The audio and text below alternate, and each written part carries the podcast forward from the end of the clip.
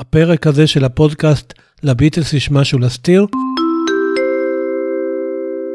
עצור רגע. הפרק הזה של הפודקאסט לביטלס יש משהו להסתיר הוקלט תחת השפעת הקורונה, בפעם השנייה, ועוד אחרי חיסון חמישי. אז אם תרגישו את זה בקול, תדעו למה. ותרגיש טוב. תודה. הפרק הזה של הפודקאסט לביטלס יש משהו להסתיר, נעשה בהשראת נושא שהציע לי דניאל עליוף, ועל כך אני רוצה להודות לו מאוד. תודה רבה לך, דניאל. One, two, one, two, three, four.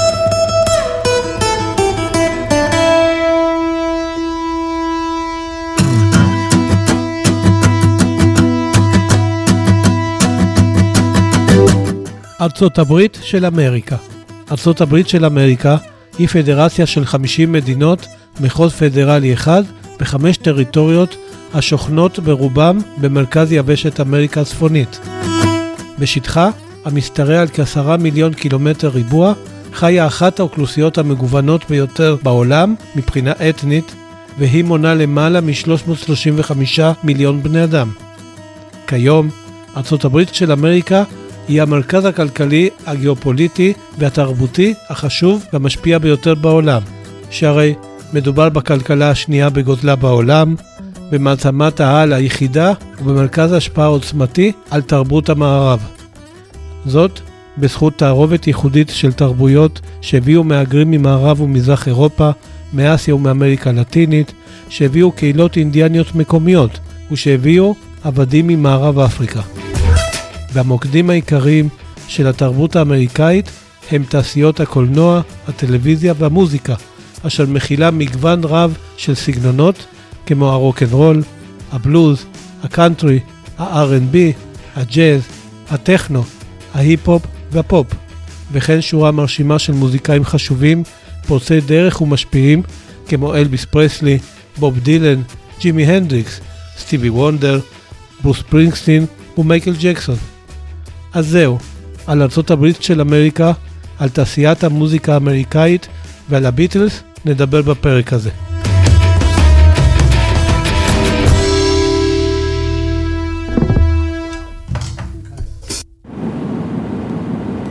תתעורר, ג'ון, תתעורר. כמה כבר אפשר לישון?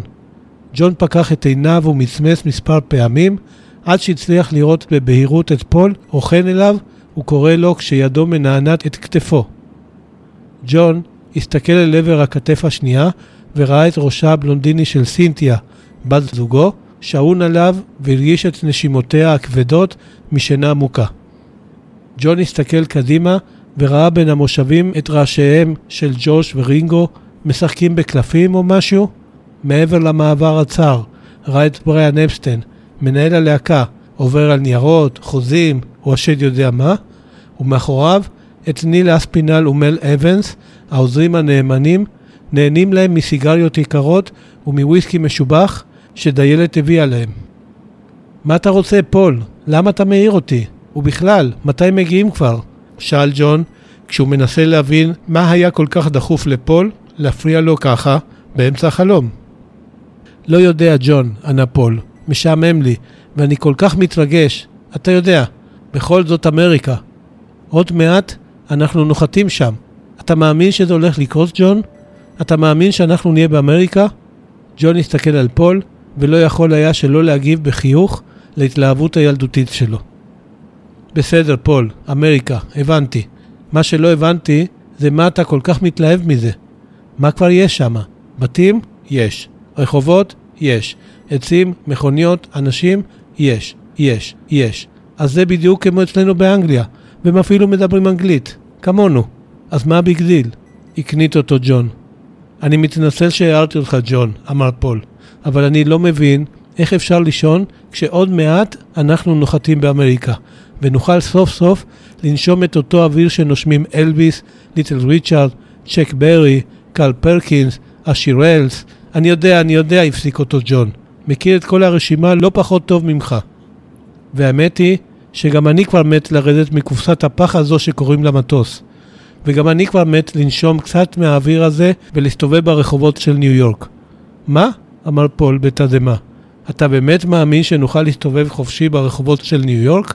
זה בלתי אפשרי כבר. בכל מקום יש מעריצות שכל הזמן צורחות, בוכות ומתעלפות כשרואות אותנו. אמר פול, וג'ון השיב, כן פול, אבל זאת אמריקה. יש להם מלא מוזיקאים שהם מעריצים שם. אתה יודע, אלוויס, ליטל ריצ'ארד, צ'ק ברי, קל פרקינס. טוב, אתה הרי מכיר את כל הרשימה. ועם כל הכבוד לנו, מי אנחנו שם? להקה אנגלית שהם בקושי מכירים. לא בטוח, הפסיק אותו פול. מאז ש-I want to hold your hand הגיע למקום הראשון במצעד הבילבורד, השירים שלנו נמכרים שם ממש טוב. נכון, הסכים ג'ון, והוסיף, אבל עדיין, אנחנו עוד לא מספיק מוכרים שם. אני אפילו לא בטוח שהם יודעים איך אנחנו נראים ואיך קוראים לנו. נכון, אמר פול, נראה לי שאתה צודק.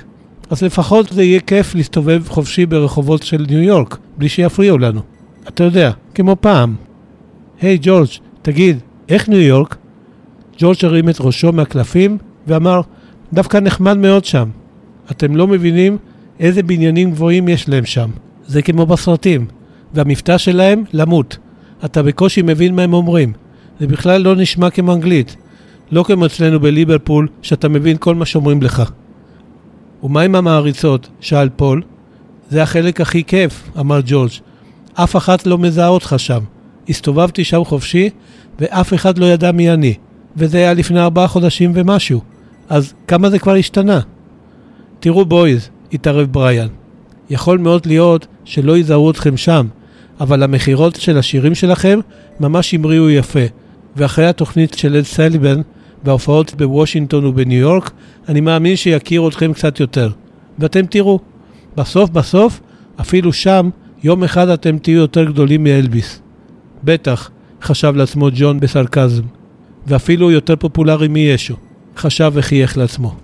דווקא זה יהיה נחמד להסתובב שם כשאף אחת לא מטרידה אותנו, אמר רינגו, וכולם הננו בראשם לאות הסכמה. אפילו סינתיה, שהתעוררה בינתיים, חייכה כשחשבה שבאמת יהיה נחמד אם האנשים האלה לא יתנפלו על ג'ון וירצו כל הזמן לגעת בו ולקחת אותו למיטות שלהן. פתאום יצאה אליהם דיילת וביקשה מכולם להדק את חגורות המושב כי עוד מעט נוחתים. אחרי מספר דקות נגלה לעיניהם דרך החלון המראה של גורדי השחקים של ניו יורק, ולא עברו עשר דקות נוספות וגלגלי המטוס נגעו בקרקע. היי, תסתכלו החוצה, צעק פול. אתם רואים את מה שאני רואה? כולם נצמדו לחלונות ולא האמינו למראה עיניהם. על הגג של בניין הטרמינל הצטופפה קבוצה גדולה, אפילו גדולה מאוד, של אנשים מנופפים בידיים. כשנפתחה דלת המטוס, וסוף סוף יצאו החוצה, קודם ג'ורג', אחריו ג'ון, אחר כך פול, ובסוף ג'ורג', הם לא האמינו למראה עיניהם. לא פחות מארבעת אלפים מעריצות, וביניהן מעריצים, עמדו שם על הגג בקור העז, צרחו, בכו והתעלפו. חלקן לבשו חולצות עם הדמויות שלהם, חלקן ענדו סיכות עם הכיתוב We Love You Beatles, ואחרות נשאו שלטים שבהם נכתב Beatles, Please Stay Here Forever. אז הסתכל ג'ון על בריאן ואמר לו לתוך האוזן כשהוא מנסה להתגבר על הצרחות של המעריצות. יכול מאוד להיות שלא יזהו אותנו כשנסתובב ברחובות של ניו יורק, אה? לא, בריאן, אני רואה שזה לא יקרה. Paul's broken at last, broken at last, Paul's broken at last, at last, at last he's broke today. One, two, three, one, two, three. שלום, אתן ואתם על פרק 28 של הפודקאסט לביטלס יש משהו להסתיר. זהו הפודקאסט שמתעקש שוב ושוב לטעון שההיסטוריה נקבעת על ידי האנשים עצמם, ולכן הוא מתעקש גם לטעון שוב ושוב שההיסטוריה של הביטלס נקבעה על ידי ג'ון, פול, ג'וש ורינגו, ולכן חשוב להבין מי הם היו, מה הם חשבו ומה הם רצו. ובגלל זה הפודקאסט הזה מתעקש שוב ושוב לא לתת להם להסתיר שום דבר, אפילו לא את מה שיש להם להסתיר. בפרק הזה נבחן את החיבור של הביטלס לארה"ב של אמריקה, וננסה להבין באיזה אופן היא השפיעה עליהם ובאיזה אופן הם השפיעו עליה בחזרה. וכמובן, נחשוף את המיתוסים שקשורים בסיפור הפנטסטי הזה. אז נכנסנו לאצטדיון, ותפסנו את המקום שלנו ביציע. התבאסנו שלא נתנו לנו להכניס בירה, אבל לפחות לא עשו לנו בעיות עם הפיצוחים. הדגלים של שתי הנבחרות כבר פרוסים בשני צידי המגרש, ושחקני הנבחרת כבר עומדים יפה בשורה על הדשא. כל נבחרת על יד הדגל שלה.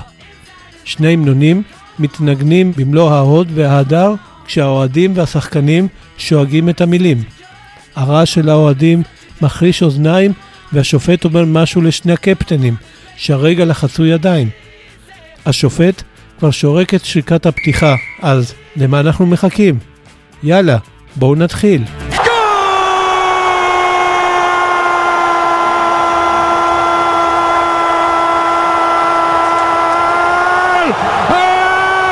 Argentina Messi, Messi, Messi, Messi lo hizo.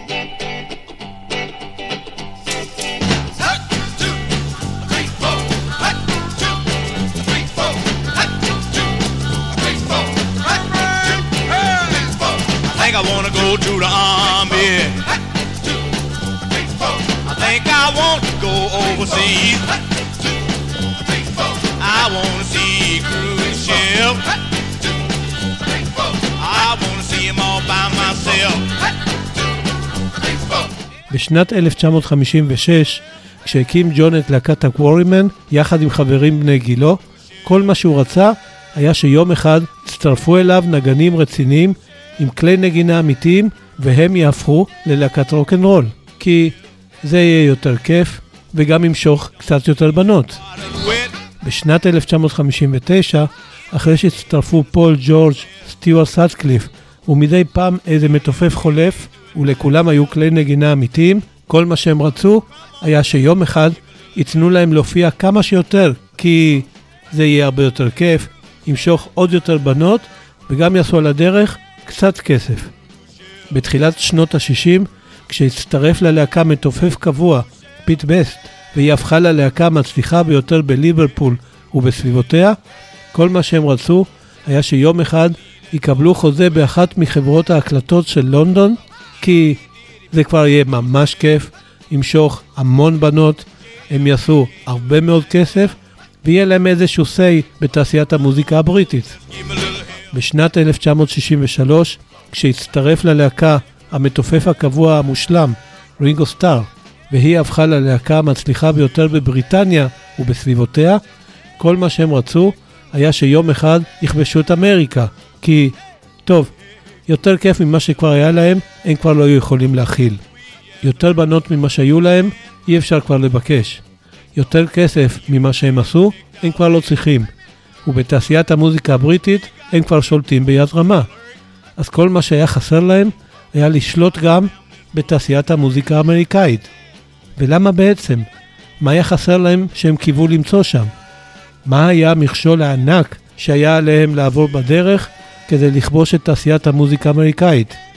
למה בהתחלה התייחסה אליהם התקשורת האמריקאית בזלזול? ואיך זה דווקא שיחק לטובתם? איך הקטין אותם אד סליבן שהסכים לארח אותם בתוכניתו? למה מספר פול סיפור שהוא פייק בקשר לביקור של הביטלס בארצות הברית? ואיך יד האלוהים קשורה בכל העניין הזה? וזה בלי קשר לדייגו ארמנדו מרדונה. ג'ון, פול, ג'ורג' ורינגו ינקו מגיל אפס מוזיקה אמריקאית, והם העריצו את כוכבי הרוקנרול והרוקבילי כמו אלוויס פרסלי, ליטל ריצ'ארד, באדי הולי, ג'ין וינסנט, אדי קוקרן, קל פרקינס, ג'רי לי לואיס ורבים אחרים. הם גם העריצו את כוכבי הסול, הבלוז וה-R&B, כמו הזמרים והלהקות של מוטאון, בית ריי צ'ארלס, ברי סטרונג, ארתור אלכסנדר, סם קוק, רוי אורביסון, האברלי ברדרס ורבים אחרים. ובנוסף, הם העריצו את כוכבי הקאנטרי, כמו צ'ט אטקינס, באק אוונס, ג'ין אוטרי, האנק וויליאמס ורבים אחרים. ופול גם העריץ את להקות ה big band, הג'אז והסווינג וגם ה musicals מארצות הברית. וחברי הביטלס לא היו היחידים. כולם במערב אירופה שמעו מוזיקה אמריקאית והושפעו ממנה. בבריטניה במיוחד הייתה השפעתה של המוזיקה האמריקאית בולטת על רקע היסטוריה משותפת, התרבות המשותפת, וכן, השפה המשותפת. בליברפול זה היה עוד יותר בולט, משום שבנמל שלה פעל קו ישיר בין אנגליה לארצות הברית, ודרכו הובאו הרבה תקליטים מאמריקה. זאת, בנוסף לבסיס הצבאי האמריקאי שהיה במרחב קצר מהעיר, ובו פעלה תחנת רדיו שהשמיעה מוזיקה מהבית. ועל כך הרחבתי בפרק 17, מה אם שמי הפרברים לא היו כחולים. וכך, הביטלס ביצעו קאברים של שירים אמריקאים, וכתבו שירים תחת השפעתה של המוזיקה האמריקאית. בין האחרונים אפשר לציין את You've Got to Hide Your Love Away, I'm a Loser ו- Nowhere Man, שמאוד הושפעו מבוב דילן, או את Here, There and Everywhere באלבום Sgt. Pepper's Lonely Hearts Club Band, שמאוד הושפעו מבריאן ווילסון, או רוקי רקון, I've just seen a face, What goes on ו-Don't pass me by, שמאוד הושפעו ממוזיקת הקאנטרי. בשנת 1963 מאוד רצו הביטלס לחדור אל תוך תעשיית המוזיקה האמריקאית, והמוטיבציה שלהם הייתה גם כי בארצות הברית פועל בעצם עד היום שוק המוזיקה הגדול ביותר בעולם, ולכן זה מאוד כדאי כלכלית למכור לאמריקאים תקליטים וכרטיסים להופעות, כי ההשפעה של שוק המוזיקה האמריקאי על תעשיית המוזיקה בעולם עצומה. כלומר, מי שמצליח באמריקה, מצליח בשוק המוזיקה הגלובלי. וגם כי עבורם אין טעם מתוק יותר מלשחק במגרש של הגדולים. כלומר, של כל המוזיקאים שהם הריצו. אבל מה שחברי הביטלס לא שיערו, אחרי ההצלחה הפנומנלית בבריטניה ובסביבותיה, הוא שהדרך לשוק המוזיקה האמריקאי תהיה כל כך קשה, ארוכה ומפותלת. אמנם גם זמרים בריטים מצליחים, כמו קליף ריצ'ארד, וירה לין, לוני דונגן, פרנק אייפיל ואחרים, ניסו את מזלם בארצות הברית ותמיד נתקלו שם בתקרת זכוכית שלא הצליחו לשבור. או במקרה הטוב, הצליחו, אבל לתקופה קצרה מאוד. אבל ג'ון, פול, ג'ורג' ורינגו האמינו שלהם זה לא יקרה אף פעם. remember too a distant bell and stars that fell like the rain out of the blue. And my life is through, and the angel. כדי שהביטלס יחדרו לשוק המוזיקה האמריקאי, הצעד הראשון שעשה ג'ורג' מרטין, המפיק המוזיקלי, היה לפנות לחברת התקליטים הגדולה באמריקה, קפיטול, בשם חברת EMI, שהוציאה את התקליטים של הביטלס בבריטניה, ושהוא עבד אצלה. ומרטין לא פנה אל חברת קפיטול כי זו חברת התקליטים הגדולה באמריקה, אלא כי היא בבעלותם של חברת EMI. ולמרות זאת, להפתעתו המוחלטת, סירבה חברת קפיטול להוציא תקליטים של הביטלס בארצות הברית. איך זה יכול להיות? הרי חברת קפיטול היא בבעלות חברת EMI. אז איך העיזה לסרב לה? כי כשרכשה חברת EMI את חברת קפיטול, שמונה שנים קודם, היא נתנה לה זכות סירוב ראשונה. משמעות הדבר, שמאחר וחברת קפיטול הכירה יותר טוב מחברת EMI את שוק המוזיקה האמריקאי וטעם הקהל, יש לה את הזכות לסרב לבקשה של EMI להוציא תקליטים בארצות הברית, אם היא תחשוב שאין להם פוטנציאל להצליח שם. וזה בדיוק מה שקרה. חברת קפיטול הייתה משוכנעת שהקהל האמריקאי לא יקנה תקליטים של להקה מאנגליה עם שם משונה שכתוב עם שגיאת כתיב, ושחבריה הולכים עם תספורת משונה. ג'ורג' מרטין, שהיה המום מהתשובה של קפיטול, לא ויתר, וחיפש חברת תקליטים אחרת, אלא שכולן השיבו לו את אותה תשובה. כן, שהקהל האמריקאי לא יקנה תקליטים של להקה מאנגליה עם שם משונה שכתוב עם שגיאת כתיב ושחבריה הולכים עם תספורת משונה. ממש לפני ייאוש הגיע מרטין לחברה קטנטנה מהעיר שיקגו בשם VJ, שגם היא, מתוך ייאוש, חיפשה משהו חדש עבור הקהל שלה, ולכן הסכימה להוציא את התקליטים של הביטלס בארצות הברית. מעניין לציין שמה שהרגיש מרטין היה בדיוק, אבל בדיוק, מה שהרגיש בריאן אפסטיין כשהגיע אליו אחרי שכל חברות ההקלטות בבריטניה סירבו להחתים את הביטלס, ועל כך אפשר לשמוע יותר בפרק 12, מה אם הביטלס היו עוברים את האודישן. וכך חתמה חברת VJ עם EMI על חוזה לחמש שנים, כשהצעד הראשון היה להוציא את הסינגל Please Please Me, שמכר פחות מ-7,500 עותקים וזהו, ואת הסינגל From Me To You, שמכר 22,000 עותקים, קצת יותר טוב, אבל זהו. בינתיים קיבלה חברת VJ מחברת EMI הקלטות של השירים שבאלבום Please Please Me כדי שתוציא אותם באלבום בארצות הברית. אבל זה לא קרה. למה? כי חברת VJ נכנסה לקשיים כספיים ולא שילמה לחברת EMI את התמלוגים שהגיעו לה, וכך, אחרי חצי שנה בלבד, בוטל החוזה בין שתי החברות. גם הפעם, ג'וש מרטין לא ויתר, ושוב פנה לחברת קפיטול, ששוב סירבה. בלית ברירה, חידש מרטין את החיפושים, והפעם מצא חברה קטנטנה בשם סואן, מהעיר פילדלפיה, שהסכימה להוציא את הסינגל שילבסיו, שמכר לא יותר מאלף עותקים, וזהו.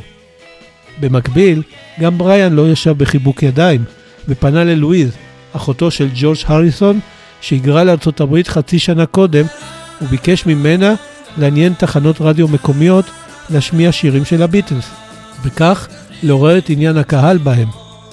לואיז פנתה לעשרות תחנות רדיו ושלחה להם עותקים של הסינגל From Me to You, אבל אף אחת לא גילתה עניין. אחת התשובות המעניינות שקיבלה לואיז הייתה של תחנת רדיו מהעיר סנט לואיז, שציינה בפניה שהיא מעדיפה להשמיע את השיר From Me to You בגרסה של הזמר האמריקאי דל שנון, שיצא חמישה חודשים קודם וגרמה לקהל האמריקאי להאמין שזה שיר שלו.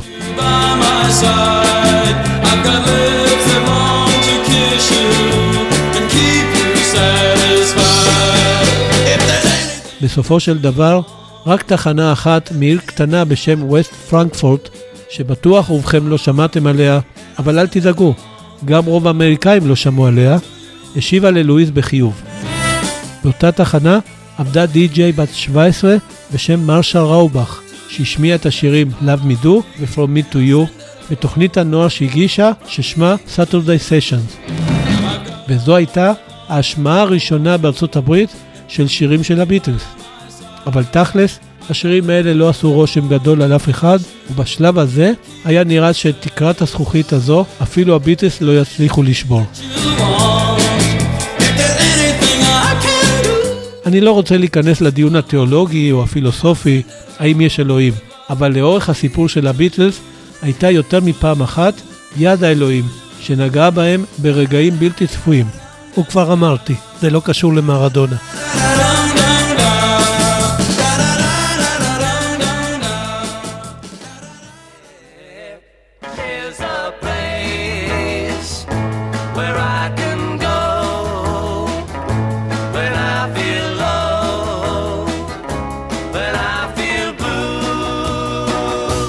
כעבור חודש, בסוף אוקטובר 1963, נחתו הביטלס בשדה התעופה היטרו שבלונדון, בחזרה מסיבוב הופעות מוצלח בשוודיה.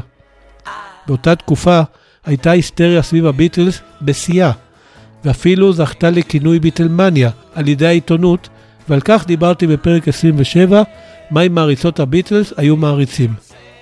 לגמרי במקרה, נכח באותו זמן בשדה אד סליבן, שהיה המנחה של תוכנית הטלוויזיה הפופולרית ביותר באמריקה, בהמתנה לקונקשן בדרך הביתה לניו יורק.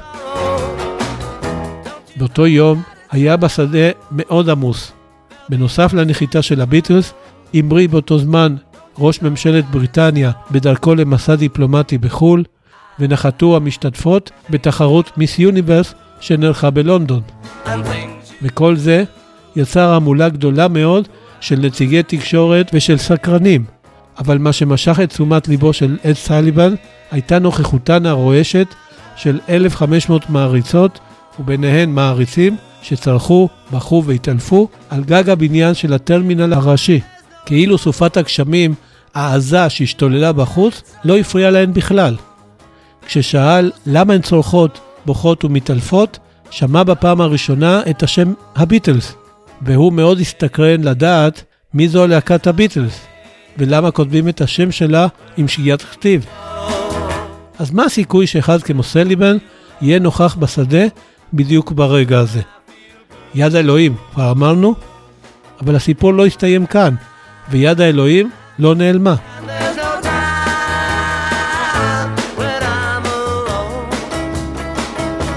באחת משיחות הטלפון שקיים בריאן עם לואיז, היא סיפרה לו על תוכנית הטלוויזיה של אל סליבן, והיא יצאה לו לעשות הכל, אבל הכל, כדי שהוא יסכים לארח את הביטס בתוכנית. בריאן, שלא היה אחד שישב בחיבוק ידיים, מיד נזכר בידיד שלו שעבד כעוזר של המלהק באירופה של התוכנית של אל סליבן, ומיד צלצל אליו. הידיד נרתם מיד לעזרתו של בריאן וארגן פגישה עם סליבן בניו יורק. השניים הופתעו מאוד מהקלות שבה סליבן הסכים לפגישה. הם פשוט לא היו מודעים למה שהוא ראה בשדה התעופה היטרו. מה שהם גם לא ידעו, הוא שסליבן מאוד רצה לדעת פעם אחת ולתמיד מי היא להקת הביטלס ולמה כותבים את השם שלה עם שגיאת כתיב. יד אלוהים, כבר אמרנו, לא? במקביל, ולגמרי במקרה, התחילו להופיע במדורי הבידור של העיתונות האמריקאית כתבות על להקה אנגלית בשם המשונה הביטלס, אותו כותבים עם שגיאת כתיב, שמעוררת תגובות היסטריות אצל הקהל הצעיר, ואפילו הופיע בפני המלכה האם. הכתבות האלה התייחסו לביטלס כאל סתם קוריוז לא רציני, אבל סכנותו של סליבן רק גדלה. יד אלוהים, כבר אמרנו? וכך, באמצע נובמבר 1963, נפגש בריאן בניו יורק עם אד סליבן, ובסוף הפגישה זה נתן את הסכמתו לארח את הביטלס בתוכנית. אבל משום שגם הוא ראה בהם קוריוז ולא כוכבי מוזיקה אמיתיים, הוא עשה עם בריאן עסקת חבילה. הביטלס יופיעו בשלוש תוכניות במהלך חודש פברואר 1964, תמורת סכום מגוחך של 10,500 דולר עבור שלושתן, שזה משהו כמו 100 אלף דולר שווה ערך של היום. כדי להבין למה אמרתי שזה סכום מגוחך, אספר לכם שסליבן נהג לשלם לכוכב מוזיקה שמתארח בתוכנית שלו סכום כזה עבור הופעה אחת בלבד. ולא רק זה, סליבן דאג שיהיה בחוזה עם בריאן סעיף שנותן לו את האופציה לבטל את ההופעות של הביטלס בתוכניתו לפי שיקול דעתו הבלעדי. למרות הסכום המגוחך והאופציה הבעייתית, הסכים מיד בריאן להצעה, כי זכר היטב את מה שלואיז אמרה לו, לעשות הכל, אבל הכל, כדי שהוא יסכים לארח את הביטלס בתוכנית. ברגע האחרון העמיד בריאן תנאי אחד, שהביטלס יופיעו כאומנים המרכזיים של התוכנית. סליבן השיב שישקול את העניין, אבל שהוא לא מתחייב, או במילים אחרות, אמר לו בנימוס, תשכח מזה.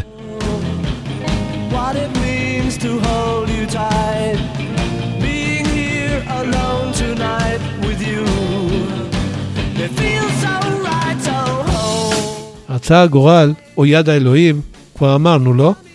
ששבוע אחרי הפגישה שודרה בטלוויזיה בארצות הברית, בפעם הראשונה, כתבה על תופעת הביטלמניה בבריטניה, וגם כאן היא הוצגה באור מזלזל. כך נאמר בכתבה, The hottest musical group in Great Britain today is the Beatles. That's not a collection of insects, but a quartet of young men with pudding bowl haircuts and who spell Beatles B E A T L E S. They were all born during the Blitz in the Merseyside section of Liverpool, the toughest section of one of the toughest cities in the world. It's anybody's guess why the Beatles emerged from its cellar nightclubs to national prominence, but emerge they did. They've sold two and a half million records and they earned $5,000 a week. Not long ago, the Beatles arrived at London Airport after a triumphal tour of Europe and the provinces. They were greeted by their hardcore fans, the compulsive screamers, mostly female, mostly between the ages of 10 to 16. הלהקה המוזיקלית החמה ביותר בבריטניה היום היא להקת הביטלס. לא מדובר באוסף של חרקים, אלא בארבעה בחורים צעירים עם תספורות בצורת קערות פודינג, שכותבים את שם הלהקה שלהם עם שגיאת כתיב. הם נולדו בזמן ההפצצות הגרמניות בעיר ליברפול, אחת הקשוחות ביותר בעולם. האם מישהו יכול להסביר איך הצליחו חברי הביטלס לצאת מהמועדונים ומהמרתפים של ליברפול אל התודעה הלאומית בבריטניה, למכור 2.5 מיליון תקליטים ולהרוויח 5,000 דולר לשבוע. לאחרונה הם הגיעו לשדה התעופה של לונדון אחרי סיבוב הופעות מוצלח בכמה מדינות באירופה, והתקבלו על ידי קבוצה של מעריצים צורכים, רובם בנות בגילאים 10 עד 16. ארבעה ימים אחר כך שוב הופיע יד האלוהים, ושוב שודרה כתבה על תופעת הביטלמניה בטלוויזיה. ושוב היא התייחסה אל הביטלס באור מזלזל. כך נאמר בכתבה. Yeah, yeah, yeah. Those are the Beatles, those are. And this is Beatleland, formerly known as Britain, where an epidemic called Beatlemania has seized the teenage population, especially female. Some of the girls can write, and they belong to the Beatle fan club. The Beatles sound like insect life, but it's spelled B-E-A-T, beat. And these four boys from Liverpool with their dish mop hairstyles are Britain's latest musical and, in fact, sociological phenomenon. They have introduced what their press agents call the Mersey sound after the River Mersey on which Liverpool stands. And though musicologists say it is no different than any other rock and roll, except maybe louder, it has carried the Beatles to the top of the heap. In fact, they have met royalty, and royalty is appreciative and impressed. Wherever the Beatles go, they are pursued by hordes of screaming, swinging juveniles. They and their press agents have to think up all sorts of ways to evade their adoring fans. Thousands of teenagers in every city and town stand in line all night to get tickets for their touring show. Girls faint when the tickets run out. The other night, the Beatles played Bournemouth, the South Coast family resort, and Bournemouth will never be the same. יא יא יא. אלה הביטלס וזו בריטניה, שבה מגפה בשם ביטלמניה, שפגעה בצעירים ובעיקר בצעירות. חלק מהבנות האלה יודעות לכתוב, והן שייכות למועדון המעריצות של הביטלס. שם הלהקה נשמע כמו חרקים, אבל מאייתים אותו עם שגיאת כתיב. ארבעת הבחורים האלה באים מליברפול, ועם התספורות האלה הם תופעה מוזיקלית וסוציולוגית שמתרחשת בבריטניה. הם מנגנים מה שמכנים מרזי סאונד על שם נהר המרזי שעל יד העיר ליברפול, ולמרות שמוזיקולוגים אומרים שזה סגנון לא שונה מהרוקנרול, אולי בווליום יותר גבוה, זה מה שהביא את הביטלס לשיא הפופולריות שלה, ואפילו בית המלוכה מעריך ומתרשם מהם. לכל מקום שהביטלס הולכים, הם נרדפים על ידי נוער צורח, ומחפשים כל הזמן איך לברוח מהמעריצות החביבות. בכל עיר שהם מגיעים אליה, אלפי בני נוער עומדים בתור כדי להשיג כרטיסים להופעות שלהם, והמעריצות בוכות כשהכרטיסים אוזלים. אמש ניגנו הביטלס לא טוב כשהופיעו בעיר בורנמוט, שכבר לא תהיה אחריהם אותו דבר. לביטלס אין אשליות, הם מייצגים את הלא גיבורים של המאה ה-20, עושים לא מוזיקה והולכים עם לא תספורות, ובינתיים, יא יא יא. מכתבי המעריצות ממשיכים לזרום, וכך גם הכסף לקופה שלהם.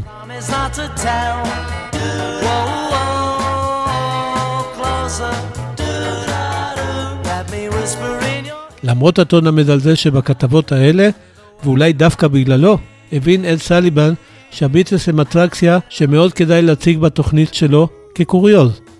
ועל כן, הוא מיד הוציא הודעה לעיתונות שמודיעה על כך שהביטלס מאנגליה יתארחו בתוכניתו בחודש פברואר הקרוב. במקביל, אמרגן ניו יורקי בשם סיד ברנסטיין, שראה גם הוא את הכתבות בטלוויזיה, הבין שאם הביטלס הם היסטריה בבריטניה, אין סיבה שלא יהיו היסטריה בארצות הברית. הוא מיד יצר קשר טלפוני עם בריאן אפסטיין, שכמובן לא היה מודע לכתבות האלה. ברנסטיין קבע איתו שתי הופעות של הביטלס באולם היוקרתי ביותר בעולם, הקרנגי הול בניו יורק. ואחרי השוק הגיע האפטר שוק, והכתבות האלה שכנעו את מנהלי חברת קפיטול לחזור מהר לג'ורג' מרטין ולבקש ממנו לאפשר להם להוציא תקליטים של הביטלס בארצות הברית. כן, כן, שמעתם נכון. לאפשר להם להוציא תקליטים של הביטלס בארצות הברית. וכך נקבע שהסינגל הראשון שהם יוציאו יהיה שיר חדש בשם I want to hold your hand, שייצא באמצע ינואר 1964, כחודש לפני ההופעה של הביטלס בתוכנית של אד סליבן.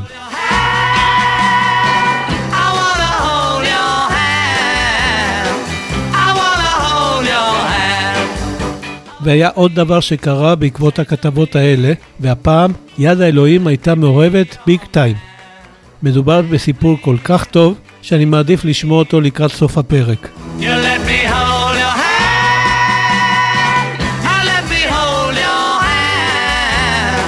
I wanna hold your hand. בסופו של דבר, הגיע השיר I want to hold your hand למקום הראשון במצעד הפזמונים בארצות הברית, וזה גרם לעניין רב מצד הקהל האמריקאי בכל דבר שקשור בביטלס, עד כדי היסטריה מוחלטת. בעקבות זה החליטה חברת VJ, זוכרים? אותה חברת תקליטים קטנטנה מהעיר שיקגו, למכור את העותקים של הסינגלים של הביטלס שנתקעו לה במחסן, ואלה נחטפו מיד. גם חברת סואן, זוכרים? אותה חברת תקליטים קטנטנה מפילדלפיה, החליטה למכור את העותקים של הסינגל שנתקעו לה במחסן שלה, וגם אלה נחטפו מיד. לאור הביקוש הגדול, עשתה חברת VJ צעד נוסף. היא הוציאה מהפריזר את התוכנית שלה להוציא אלבום של הביטלס על בסיס ההקלטות של השירים של אלבום פליז פליז מי שקיבלה מחברת EMI, וקרא לאלבום Introducing the Beatles. האלבום הזה הפך לראשון של הביטלס בארצות הברית, וחברת VJ מכרה ממנו מעל מיליון that גם חברת קפיטול החליטה לנצל את הביקוש ההיסטרי והוציאה אלבום בשם Meet the Beatles, שהתבסס על השירים שבאלבום With the Beatles, שיצא בבריטניה. שבוע לפני שנחתו הביטלס בניו יורק, שודרה בטלוויזיה כתבה נוספת על תופעת הביטלמניה, שכמו קודמותיה, הציגה אותה באור מזלזל, וכך נאמר בכתבה.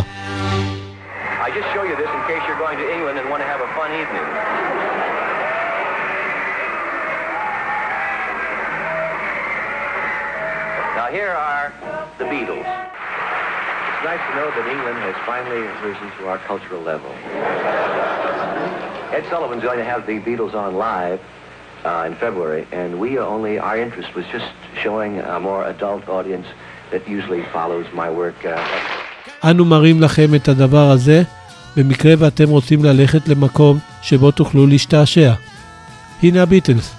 שימו לב שלאנגליה יש סוף סוף סיבה להגיע לרמה התרבותית שלנו.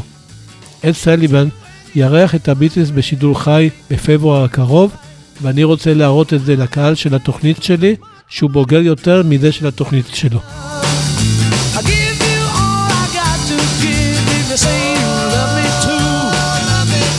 אגב, זו הייתה הפעם הראשונה שבה נראו הביטלס מופיעים בטלוויזיה בארצות הברית, ועוד לפני התוכנית של אד סליבן, מה שגרם לכך שהוא כמעט ביטל את השתתפותם, אבל אחר כך ירד מזה. Isn't it so?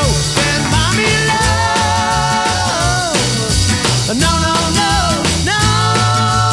ב-7 בפברואר 1964 נחתו הביטלס בניו יורק, ונדהמו כשראו בניגוד למה שחשבו שהם מפורסמים ונערצים בארצות הברית, לא פחות מאשר בבריטניה. ושהמעריצות האמריקאיות צורחות, בוכות ומתעלפות לא פחות מהמעריצות הבריטיות. כעבור יומיים הופיעו הביטלס בתוכנית של אד סליבן מול 723 מעריצות, וביניהן מעריצים שהצליחו להיכנס לאולפן, ומול כ-74 מיליון צופים שישבו מול מקלטי הטלוויזיה בלמעלה מ-23 מיליון בתים ברחבי ארצות הברית. בפתיח של התוכנית אמר סליבן, Now, yesterday and today, our theater's been jammed with newspapermen and hundreds of photographers from all over the nation, and these veterans agree with me that the city never has witnessed the excitement stirred by these youngsters from Liverpool who call themselves the Beatles. So, ladies and gentlemen, the Beatles! העיתונים דיווחו שהעיר ניו יורק אף פעם לא חזתה בהתלהבות כמו זו שיצרו ארבעה צעירים מליברפול שקוראים לעצמם הביטלס. גבירותיי ורבותיי, הביטלס.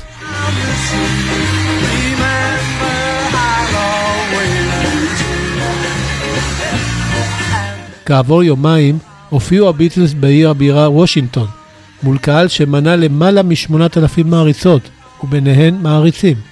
ולמחרת הופיעו בניו יורק פעמיים מול כ-6,000 מעריצות, וביניהם מעריצים, כשחלקם הושבו על כיסאות שהוצבו על הבמה מסביב לביטלס. כן, כן, על הבמה מסביב לביטלס, וזה כדי לספק את הביקוש הגבוה.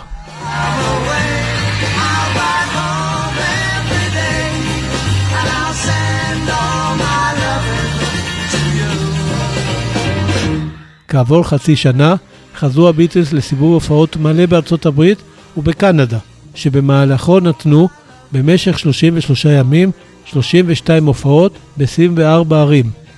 מאז ועד לשנת 1966, כאשר החליטו הביטלס להפסיק להופיע, הם הקפידו בכל שנה לצאת לסיבוב הופעות של כחודש בארצות הברית.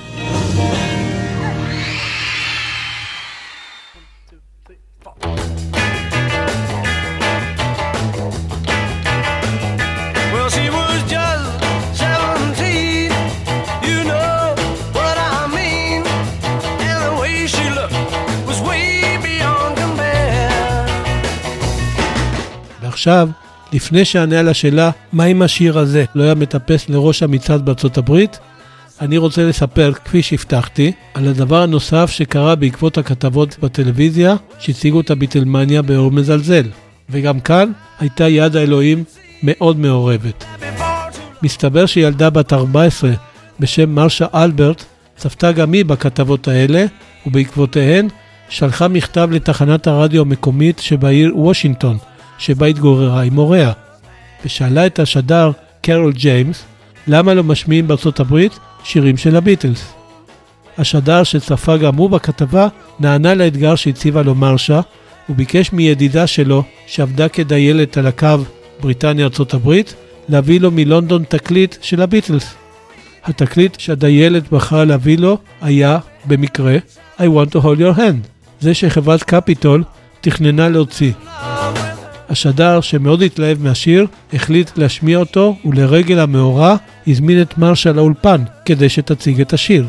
וכך היא נשמעה ב-17 בדצמבר 1963. So Marcia Albert of Dublin Drive of Silver Spring has the honor of introducing something brand new and exclusive here at WWDC. Marcia, the microphone here on the Carol James Show is yours. Ladies and gentlemen, for the first time on the air in the United States, here are the Beatles singing I Want to Hold Your Hand.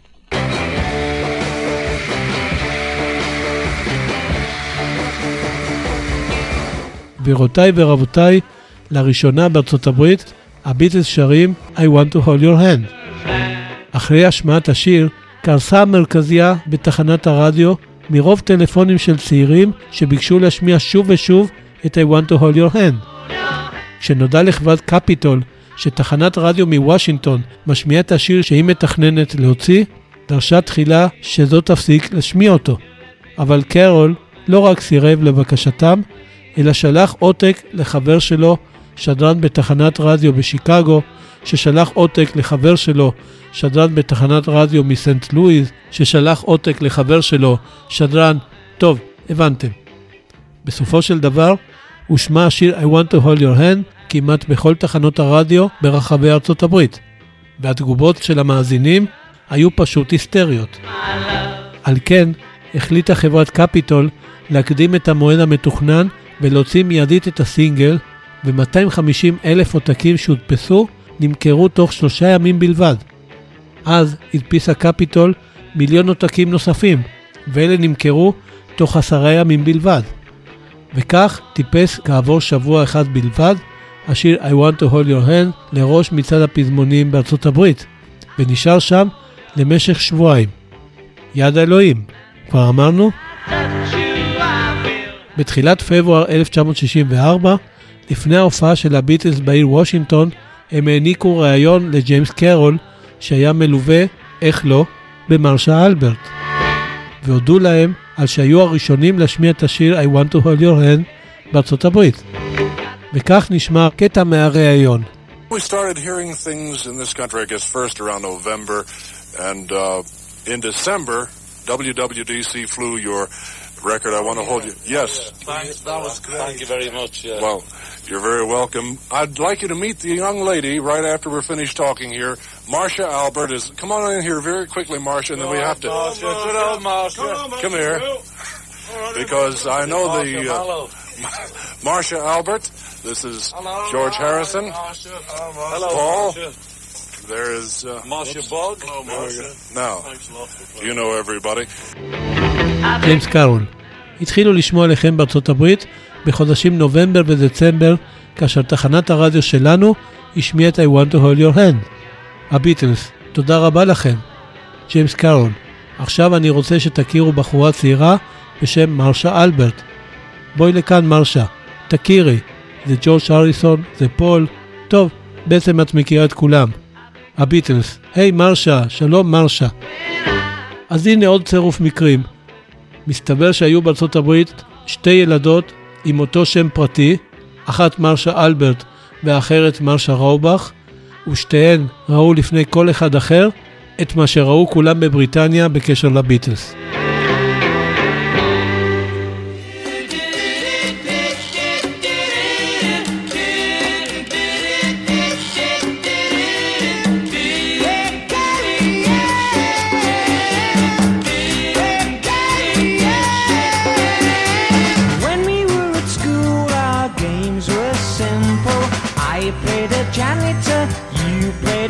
A monitor.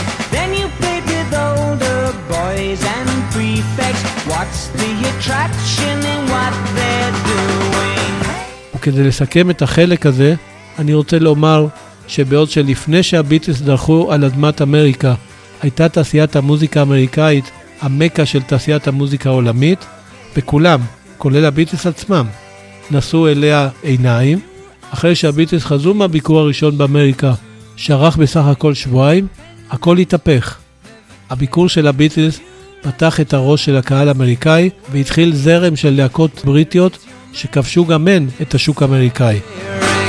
הזרם הזה זכה לכינוי הפלישה הבריטית, ובין הלהקות הבולטות הרבות שנטלו בו חלק אפשר לציין את הרולינג סטונס, The Who, הקינקס, האנימלס, הדייב קלארק פייב, קרים, ההוליס, והרשימה עוד ארוכה ארוכה.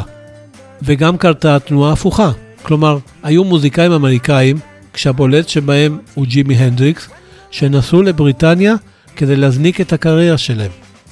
וכך, בעוד שעד אז הייתה לונדון עיר אפורה, לא מעניינת ושמרנית, היא הפכה באמצע שנות ה-60 לעיר תוססת, כיפית ויצירתית, או במילים אחרות, ל Swinging London, שנתנה תחרות קשה לארצות הברית.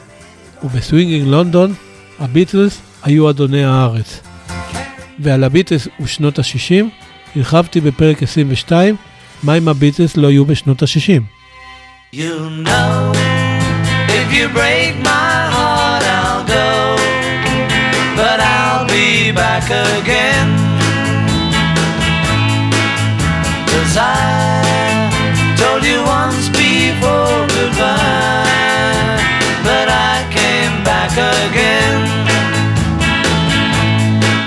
ועכשיו, לפני שאמליץ על ספר מתוך הספרייה הפרטית שלי, ולפני שאשמיע את השיר שעושה לי את זה בקשר לפרק, אני רוצה לענות על השאלה, מה אם השיר הזה לא היה מטפס לראש המצעד בארצות הברית? התשובה הקצרה היא שזה לא היה משנה הרבה. הרי הביקור הראשון של הביטלס נקבע בין בריאן לסליבן חודשיים לפני שהשיר I want to hold your hand טיפס לראש המצעד. כלומר, גם אם השיר לא היה מטפס לראש המצעד, הביטלס היו מגיעים. אז למה כל כך הרבה מספרים שהביטלס המתינו ששיר שלהם יתאפס לראש המצעד כדי להגיע לארצות הברית? הרי הסיפור הזה הוא פייק אחד גדול. וזה נכון, הסיפור הזה הוא פייק אחד גדול, שפול מקרדני דואג לספר שוב ושוב. ולמה? אז לפני שננסה לענות על זה, בואו נשמע את פול בעצמו. Well, yeah, you know, there's so many uh, British guys who just a little bit older than us. They'd all come over to America, and you think, oh, wow, they're really going to kill over there. And Americans weren't that interested. And you work it out, it's because Americans had Elvis. So a solo singer wouldn't work. So we, we kind of saw this happening. And I put two and two together, and I said to our manager that we can't go to America till we've got a number one. And I said, we just gotta wait. We just gotta wait. Just hold it. And then suddenly this happens, and wow. ראינו הרבה מאוד זמרים בריטים, קצת יותר מבוגרים מאיתנו, שהגיעו לאמריקה בטוחים שהם הולכים להצליח בגדול, אבל הקהל האמריקאי לא היה מעוניין בהם, משום שהיו להם זמרים כמו אלביס, וזה לא עבד. אז עשיתי אחד ועוד אחד, ואמרתי למנהל שלנו שאסור לנו להגיע לאמריקה לפני ששיר שלנו יתאפס לראש המצעד, וביקשתי שנמתין עוד ועוד, אבל פתאום זה קרה, וזה היה וואו. You know I hate to leave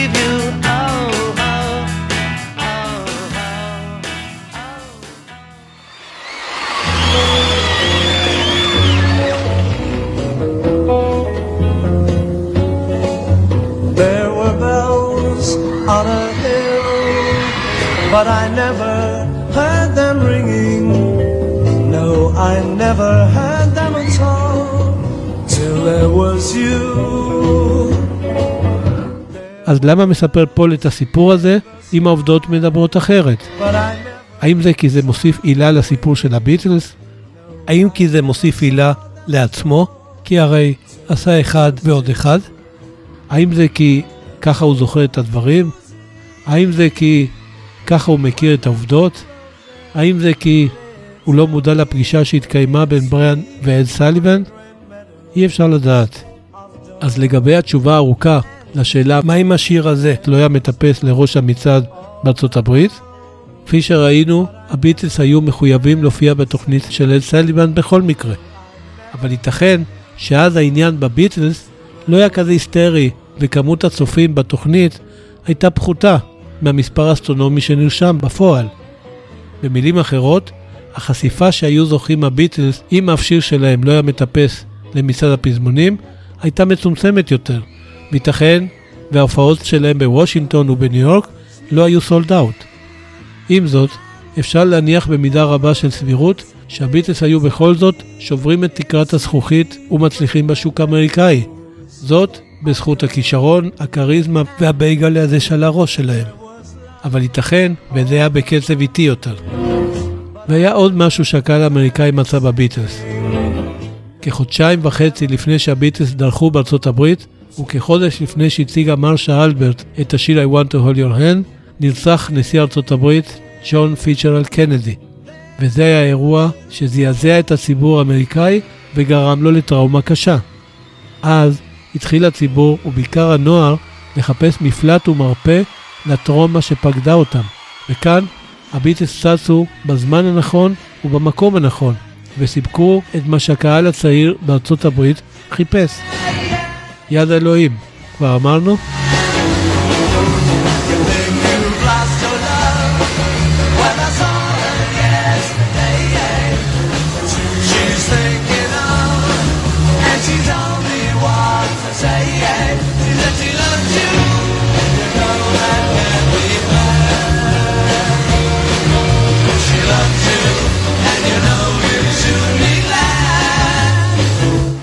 לקראת סוף הפרק, אני רוצה להמליץ על ספר מתוך הספרייה הפרטית שלי, והוא The Beatles are Coming מאת ברוס ספייזר, שיצא בשנת 2006.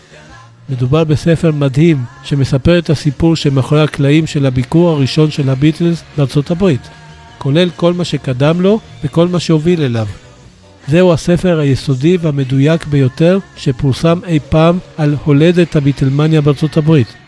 והוא חושף בפעם הראשונה הרבה מאוד פרטים שלא היו ידועים קודם, ואת חלקם הבאתי בפרק הזה. מעבר לסיפור של חברת קפיטול וההתעקשות לא להוציא תקליטים של הביטלס עד שהמנהלים שלה הבינו את הטעות שעשו, ומעבר לסיפור של שתי חברות התקליטים הקטנטנות, VJ וסואן, ומעבר להרבה מאוד דברים נוספים שאליהם התייחסתי בפרק הזה, מתאר הספר באופן מפורט את הסיקור התקשורתי של הביטלס בארצות הברית, כשתופעת הביטלמניה נתפסה כאופנה מוזרה, מגוחכת וחולפת, שיכולה להתרחש רק שם, באנגליה הרחוקה. הספר מסתיים בסיפור המלא של הביקור ההיסטורי הראשון של הביטלס בארצות הברית בפברואר 1964, כולל ההופעה והרעיונות שהם העניקו. בנוסף לחומר המרתק והכתיבה הקולחת, מציג הספר למעלה מ-450 תמונות וצילומים, כולל כאלה שלא פורסמו קודם. זהו בהחלט אחד הספרים המרתקים ביותר שקראתי ושאני ממליץ עליו.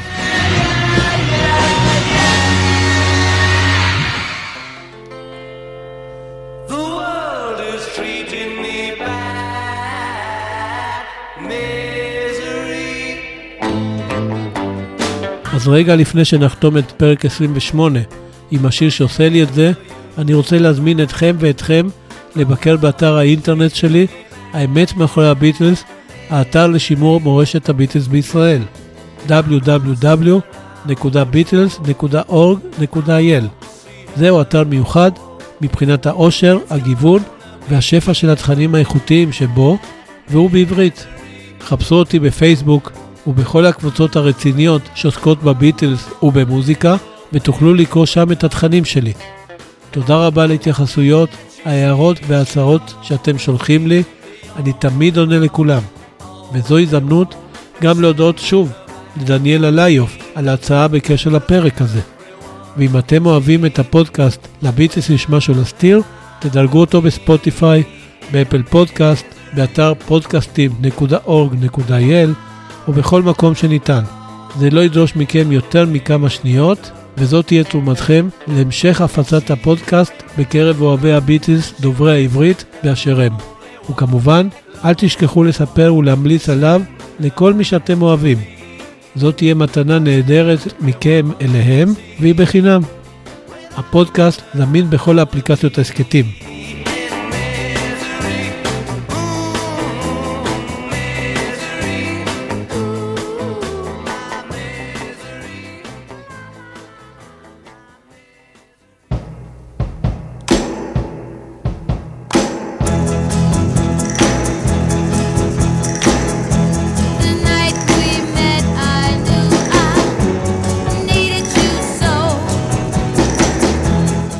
ועכשיו, לשיר שעושה לי את זה בקשר לפרק. ולצורך זה, אנחנו נחזור אחורה בזמן אל אמצע ספטמבר 1963, כאשר עשו הביטלס פסק זמן מטירוף הביטלמניה ויצאו לחופשה של שבועיים.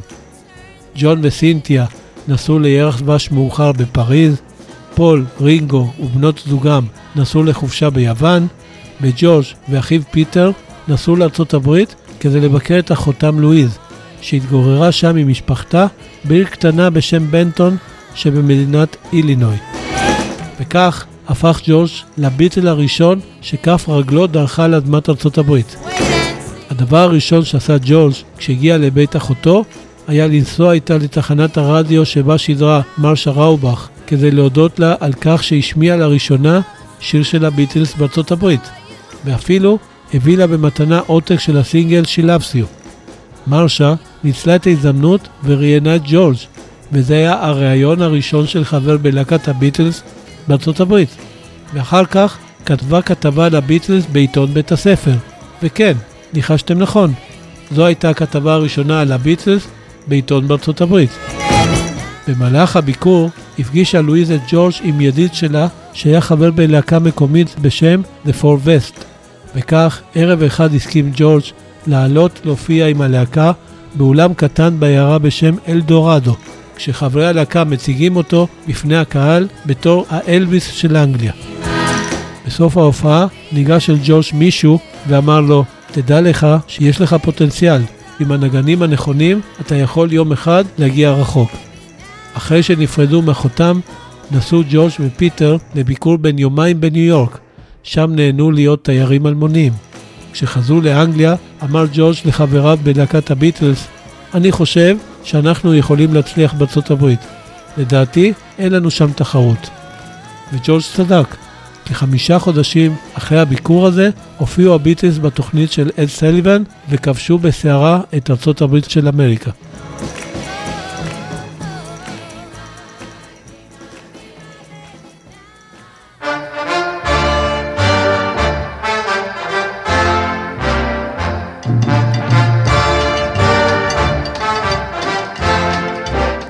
כמו כל תייר טוב, עשה ג'ורג' הרבה קניות בביקור שלו בארצות הברית, אבל במקום לקנות בגדים בסניף של פריימרק בברוקלין, הוא קנה המון תקליטים שלא ניתן היה להשיג באנגליה, וגם את גיטרת הריקנבקר 425 המפורסמת שלו, שאפשר לראות אותה היום בהיכל התהילה של הרוקנרול בקליבלנד. אחד התקליטים שרכש ג'ורג' היה הסינגל Got My Mind Set on You של הזמר ג'יימס ריי, שיצא באותה שנה. ג'ורג' לא הכיר את השיר הזה קודם, ומרגע ששמע אותו, הוא פשוט התאהב בו.